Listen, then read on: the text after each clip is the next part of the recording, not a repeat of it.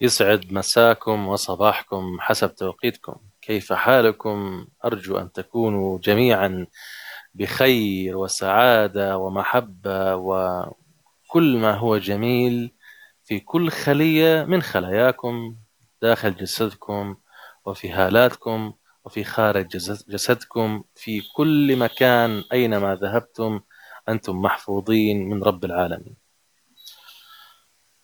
طبعا هذا مطلب جماهيري إنه هم أحبابنا متابعينا في قناة تبسيط الداخل عبر التليجرام حابين إنه نتكلم عن الشك والمقارنة والتشتت. وهذا كان من خلال بوست نشرته أنا السعيد فادي. كنت أتكلم في فكرة إن الشخص ما يقارن نفسه بالآخرين في الإنجازات وإنما يقارن نفسه بالسابق مع نفسه واليوم. هذا هو هذه هي المنافسة الشريفة اللي أنا أعتقدها أيضا مثل ما ذكر دكتور واين داير في المقولة اللي ذكرها يعني. إن أنا أحط نفسي في منافسة مع نفسي ما أحط نفسي في منافسة مع غيري. طيب أول حاجة حنبدأ فيها طبعا من خلال قانون العزيمة وهذا القانون هو من أهم قوانين تبسيط الداخل.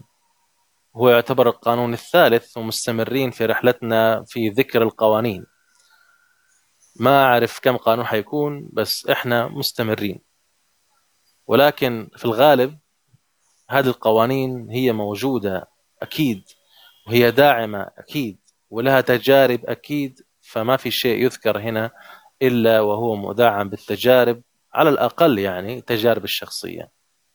بجانب أيضا الكتب بجانب أيضا لما تربط الأحداث والدنيا وهذا تعرف أنه هذا القانون موجود يعني. وسواء أنت يعني تؤمن فيه أو ما تؤمن فيه فهو يعمل. لما تشوف مثلا واحد ماسك ولاعة مثلا أو علبة كبريت وجاء حرك فك العلبة هذه اشعلها يعني؟ وحط إصبع كده ويقول لك ما كنت أعرف إنها تشتغل كده. أوكي هي شغالة قائمة يعني. نفس الشيء برضو أنت لما تشوف الحياة لما تجي تقود السيارة في إشارة مرور إشارة لونها أحمر يعني. أنت ما تعرف أوكي رح قطعت الإشارة ما تعرف إنها لون الأحمر يعني وقف يعني قف. فتلاقي في صار في مشكلة يعني في خلل في المرور نفسه.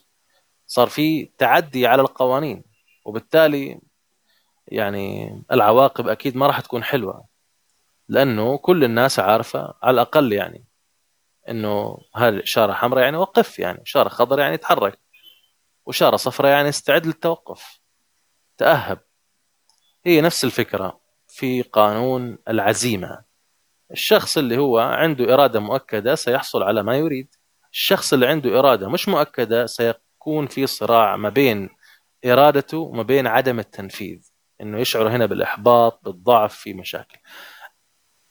أهم ثلاثة كلمات مرتبطة بالضعف ومرتبطة بالإحباط والتثبيط هم ثلاثة الشك المقارنة والتشتت. خلونا نبدأ أول حاجة بالشك في المقطع الصوتي الجاي.